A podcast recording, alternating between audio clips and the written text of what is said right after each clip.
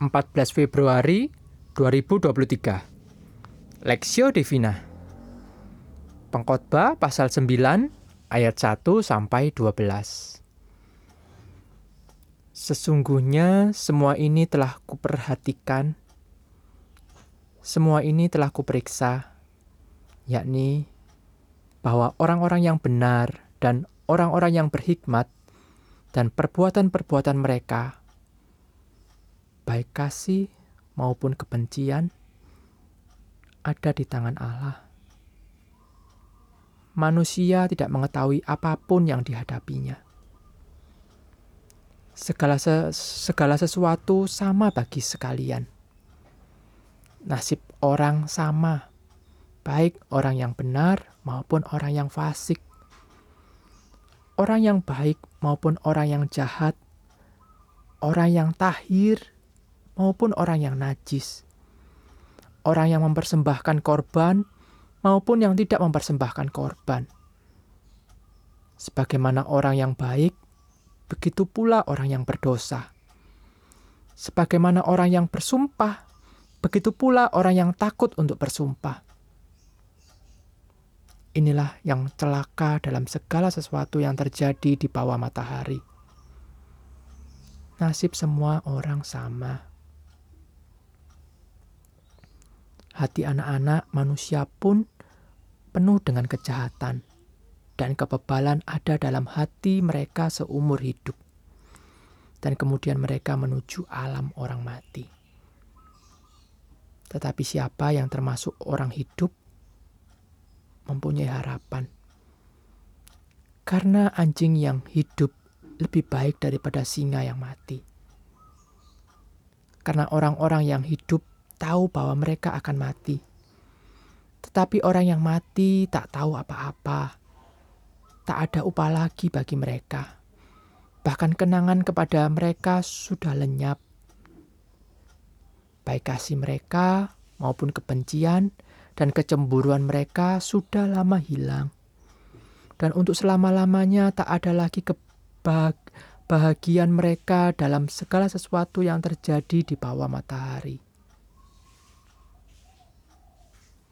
Mari makanlah rotimu dengan sukaria, dan minumlah anggurmu dengan hati yang senang, karena Allah sudah lama berkenan akan perbuatanmu. Biarlah selalu putih pakaianmu, dan jangan tidak ada minyak di atas kepalamu. Nikmatilah hidup dengan istri yang kau kasihi seumur hidupmu yang sia-sia, yang dikaruniakan Tuhan kepadamu di bawah matahari karena itulah bahagianmu dalam hidup dan dalam usaha yang engkau lakukan dengan jerih payah di bawah matahari.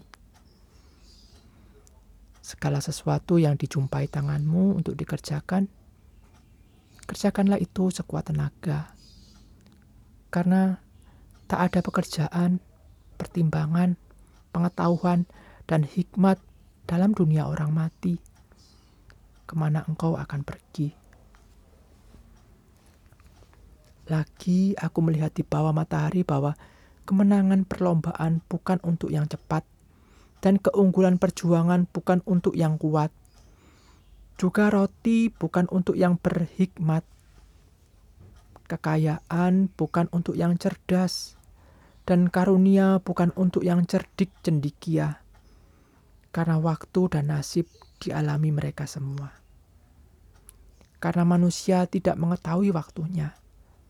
Seperti ikan yang tertangkap dalam jala yang mencelakakan dan seperti burung yang tertangkap dalam jerat. Begitulah anak-anak manusia terjerat pada waktu yang malang. Kalau hal itu menimpa mereka secara tiba-tiba. Satu nasib untuk semua perspektif.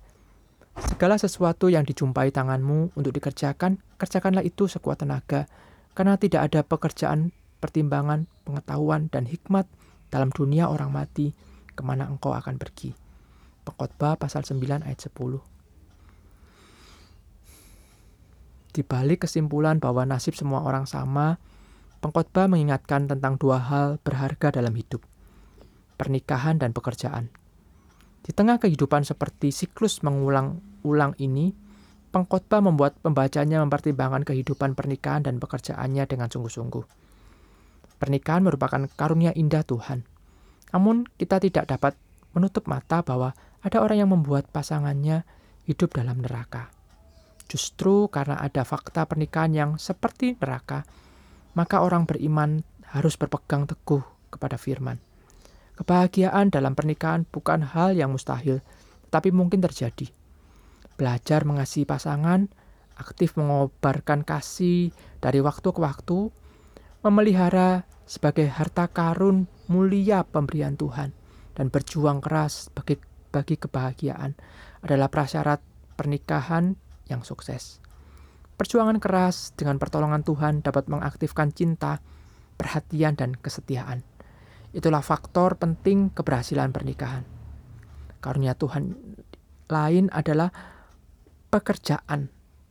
Apabila dalam sudut pandang pengkhotbah, kematian adalah penyebab kesia-siaan, maka pekerjaan ialah faktor yang memberi hidup yang penuh arti dan harapan.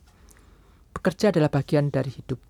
Maka persoalan tentang pekerjaan tugas jangan ditinjau dari segi ekonomi saja.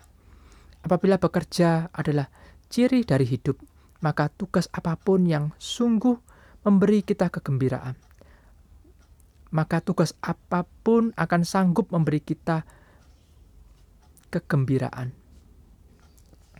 Bekerja berarti menjadi rekan Tuhan yang bekerja sampai sekarang. Inilah dorongan yang utama yang mendorong orang beriman bekerja lebih rajin, lebih giat dan berkualitas. Tidaklah kita semakin tidakkah kita semakin bergairah bila tahu bahwa perbuatan tangan, kaki, pikiran adalah bagian dari hidup mengutamakan Tuhan selama kita hidup ini. Pengkhotbah mengingatkan ketika kita mengharapkan hasil dari apa yang kita kerjakan, maka akan membuat kita menjadi kecewa oleh sebab itu, kerjakan pernikahan dan usaha kita dengan maksimal seperti untuk Tuhan, bukan manusia. Prinsip ini membawa kita untuk hidup dengan rendah hati dan selalu bergantung kepada Allah, sumber berkat. Studi pribadi, apa yang Anda merasa hidup ini tidak adil dan nasib semua orang bergantung pada status sosial dan ekonomi?